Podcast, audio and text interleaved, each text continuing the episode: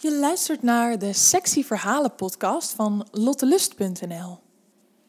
Na een aantal geslaagde avondjes uit besluiten Rick en ik dat het tijd is om een keer overdag af te spreken. We zijn klaar voor de ultieme test. Kunnen we het ook gezellig hebben zonder alcohol? Uiteindelijk kom ik met het geweldige idee om op zondagmiddag samen naar de markt te gaan. Tegen mijn verwachting in reageert Rick enthousiast.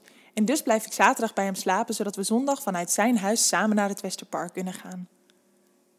Op zondagochtend blijkt het, zacht uitgedrukt, hondenweer te zijn. Toch zetten we door en fietsen we na een heerlijk ontbijtje naar de Sunday Market. Eenmaal in het park aangekomen blijkt er gelukkig ook een overdekt gedeelte te zijn. We struinen langs de kraampjes met zelfgemaakte sieraden, babykleertjes en vintage meubels. Natuurlijk zijn we het meest geïnteresseerd in de foodtrucks, die helaas allemaal buiten staan. Schuilend onder een luifel smikkelen we van onze warme raclette, takoyaki en poffertjes. Ik heb het koud en mijn sokken zijn nat, zeg ik klagend. Je zat net nog op te scheppen dat je het nooit koud hebt in die panty van je, antwoordt Rick. Ja, maar, zeg ik verslagen, dat gaat niet op als ik natte voeten heb. Zullen we dan maar weer naar huis gaan? stelt Rick voor. Je spullen staan natuurlijk nog bij mij, dus die moet je sowieso ophalen. Je mag zelfs even bij me blijven om op te warmen, als je dat nog zou willen. Door de stromende regen fietsen we terug naar zijn appartement. Ik voel hoe mijn jas steeds natter begint te worden en probeer met man en macht niet non-stop te zeiken over hoe koud ik het heb.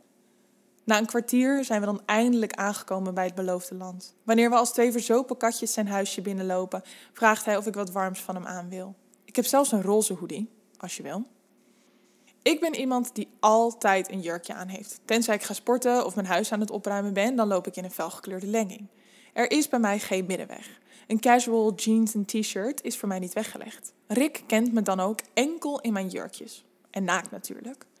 Maar in een hoodie heeft hij me nog niet eerder gezien. Heel even twijfel ik of ik wel ja zal zeggen. Moet ik de schone schijn niet nog wat langer ophouden?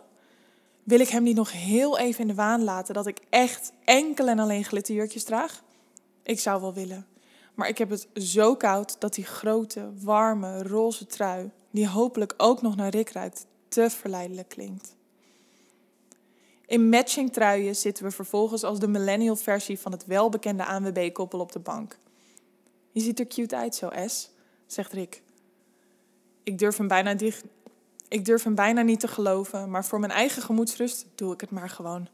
We kletsen en knuffelen en knuffelen en kletsen, tot Rick vraagt wat ik nog meer wil doen vandaag. Nou, zeg ik. Volgens mij hebben we het lang genoeg uitgehouden zonder alcohol en hebben we inmiddels wel een glas wijn verdiend. Oh, ik dacht dat je het nooit zou vragen, antwoordt Rick grappend. We spitten drie verschillende boodschappenbezorg-apps door en bestellen uiteindelijk rode wijn en chocola, om het een beetje romantisch te houden, en een sixpack Apple Bandit, omdat we dat nou eenmaal lekker vinden. Als ik de magische woorden order confirmed zie staan, leg ik mijn telefoon weer weg. Wat nu? zeg ik terwijl ik Rick aankijk. Hij zegt niks, maar kijkt me aan met zijn grote blauwe ogen en brengt zijn gezicht heel langzaam steeds iets dichter bij het mijne. Als mijn lippen de zijne raken, voel ik direct een kriebel in mijn buik. Ik hou me in en met mijn ogen dicht kus ik zachtjes terug. Met mijn lange nagels kriebel ik over zijn bovenbeen en krijg precies de reactie waar ik op gehoopt had. Rick pakt me steviger vast en trekt me naar zich toe. De zachte kus maakt plaats voor een passievolle zoen. Zo'n zoen waarbij je beide probeert te zeggen: Ik wil meer. Hij rukt zich los uit onze zoen, staat op en grijpt mijn handen vast. Abrupt trekt hij me omhoog. Ik laat een klein gilletje ontsnappen. Als ik sta, duwt hij me richting het bed waar ik me vervolgens op laat vallen. Zodra ik lig, klautert hij bovenop me. Ik kan geen kant op en laat hem me kussen. Hij bijt in mijn onderlip, kust me in mijn nek en likt plagend mijn oor. Zijn handen strelen eerst mijn buik en zij en dwalen dan steeds verder naar beneden. Ik voel zijn vingers langs mijn bovenbenen glijden en moet mijn best doen niet te kreunen. Een paar seconden later heb ik mezelf al niet meer in de hand en begint mijn lichaam te kronkelen omdat ik meer wil. Rick weet precies hoe hij me kan bespelen en trekt tergend langzaam mijn pyjamabroekje uit. Zijn warme, natte tong kietelt de binnenkant van mijn dijen en ik merk dat mijn hele lichaam op scherp staat. Zijn tong beweegt steeds iets dichter richting mijn klit en net op het moment dat ik denk dat hij mijn meest gevoelige plekje eindelijk zal likken, kijkt hij op.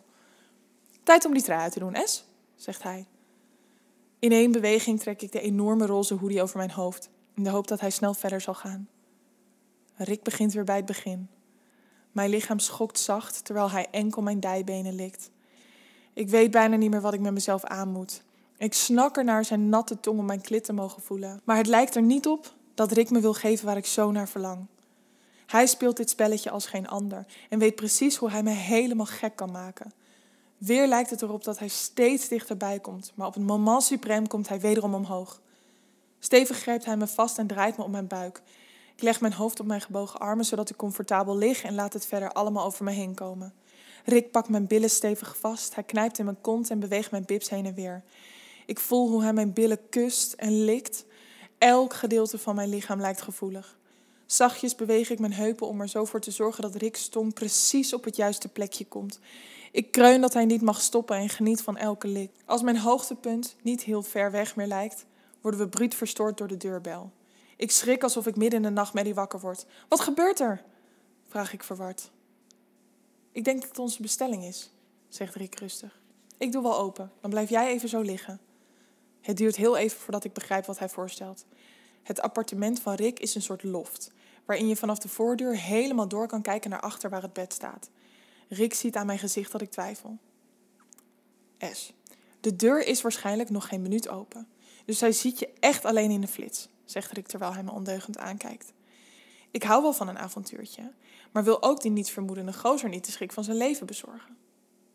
Vanaf de deur ben je hooguit vanaf je middel te zien. Als het hem al opvalt dat je hier ligt, ziet hij sowieso je gezicht niet.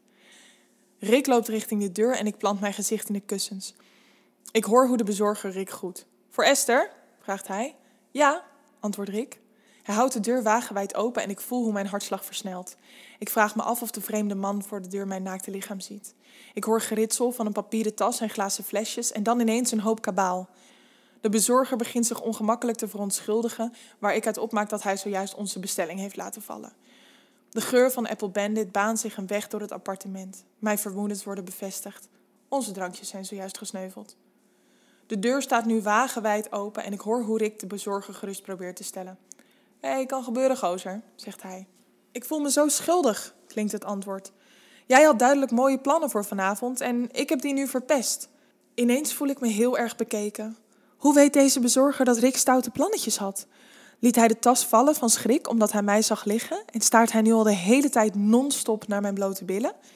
Ik durf niet op te kijken en druk mijn gezicht, voor zover dat mogelijk is, nog dieper de kussens in. Ik ben gespannen, een raar soort zenuwachtig, maar tegelijkertijd voel ik ook dat mijn kutje weer natter begint te worden. Het wint me op dat ik misschien wel bekeken word door een, voor mij, compleet vreemde man. De bezorger staat erop dat hij helpt met opruimen. Ik hoor Rick in zijn keuken rommelen en weer teruggaan naar de deur, die nog altijd wagenwijd open staat. Uit de geluiden en het halve gesprek kan ik opmaken dat de jongens de vloer dweilen. Het lijkt een eeuwigheid te duren, maar uiteindelijk vertrekt de bezorger. Als ik hoor dat Rick de deur dichttrekt, durf ik pas weer op te kijken. We kunnen het beiden niet laten even te giechelen. Oh my god, zeg ik terwijl Rick op me afloopt. Ik draai me om en weer kruipt Rick bovenop me. Met zijn handen pakt hij mijn polsen en plant ze boven mijn hoofd, zodat ik mijn armen niet meer kan bewegen. Vond je het eng? vraagt hij met heese stem. Ik kijk omhoog. Eng is niet het juiste woord, zeg ik. Maar spannend was het zeker. Rick begint met zijn kruis over me heen te wrijven. Ik voel dat hij ook opgewonden is. Uh, zou je die broek niet even uitdoen? Vraag ik terwijl hij mijn polsen nog steeds stevig vasthoudt. Rick laat me los en knoopt vlug zijn broek open. Ook zijn boxershort trekt hij direct uit. Ik laat mijn ogen over zijn naakte lichaam gaan en voel de kriebels door mijn lijf schieten als ik zie hoe hard zijn pik is. Langzaam kruipt hij weer op het bed. Plagend laat hij zijn eikel tussen mijn natte lipjes doorglijden. Oh, S, zegt hij kreunend. Wat ben je toch een geil ding. Het lijkt wel of je nooit niet nat bent. Ik giechel verlegen. Hmm, dus je vindt het wel spannend als je bekeken wordt? vraagt hij. Ik knik en kreun als zijn eikel zachtjes over mijn klit glijdt. Voor ik er erg in heb, duwt Rick zijn enorme pik bij me naar binnen. Ik ben zo nat dat hij moeiteloos naar binnen glijdt. Ik voel hoe hij me helemaal opvult en kreun tevreden. Hij weet inmiddels precies hoe hij mijn G-spot het beste raakt, dus ik geniet van elke stoot. Zou je willen dat er iemand meekijkt uh, terwijl ik je neuk? fluistert hij in mijn oor, terwijl hij stevig door blijft stoten. Uh-huh, zeg ik kreunend. Rick pauzeert even en ik zie zijn ogen richting het gordijn gaan. Zijn bed staat pal naast een enorm raam waarvan de gordijnen nu nog netjes dicht zijn. Hij kijkt me aan en voor ik er erg in heb, trekt hij in één keer het gordijn open. Hoeveel mensen mogen er meekijken, S? vraagt hij terwijl hij me indringend aankijkt. Hoe meer, hoe beter, zeg ik uitdagend. Rick pakt zijn stijve lul weer vast en laat hem plagend over mijn kutje glijden. Dus iedereen mag zien hoe ik jou helemaal gek maak. Ik knik ongeduldig. Waarom tiest deze vent me altijd zo vreselijk? Mijn hele lichaam wil niks liever dan dat hij verder gaat. En ik weet precies dat dat is wat hij wil horen. Toch blijf ik te trots om te smeken. Dus probeer ik zo sexy mogelijk te kijken in de hoop dat hij het zelf niet meer uithoudt. Mijn plan lijkt, zoals gewoonlijk, te werken. Waarom is? zegt hij met heese stem. Waarom ben je nou weer zo geil? Terwijl hij zich dit afvraagt, duwt hij zachtjes zijn eikel bij me naar binnen. Mijn adem stokt als ik de top voel en ik hoor mezelf kreunen als hij zijn pik dieper naar binnen duwt. Rustig begint hij weer op en neer te bewegen. Hij leunt voorover, waardoor zijn oor vlak bij mijn mond komt. Ik hijg en kreun zachtjes in zijn oor en merk dat het hem aanmoedigt. Als hij het tempo versnelt, komt mijn hoogtepunt al heel snel dichterbij. Niet stoppen, fluister ik zachtjes. Rick stoot ineens langzamer en komt iets omhoog.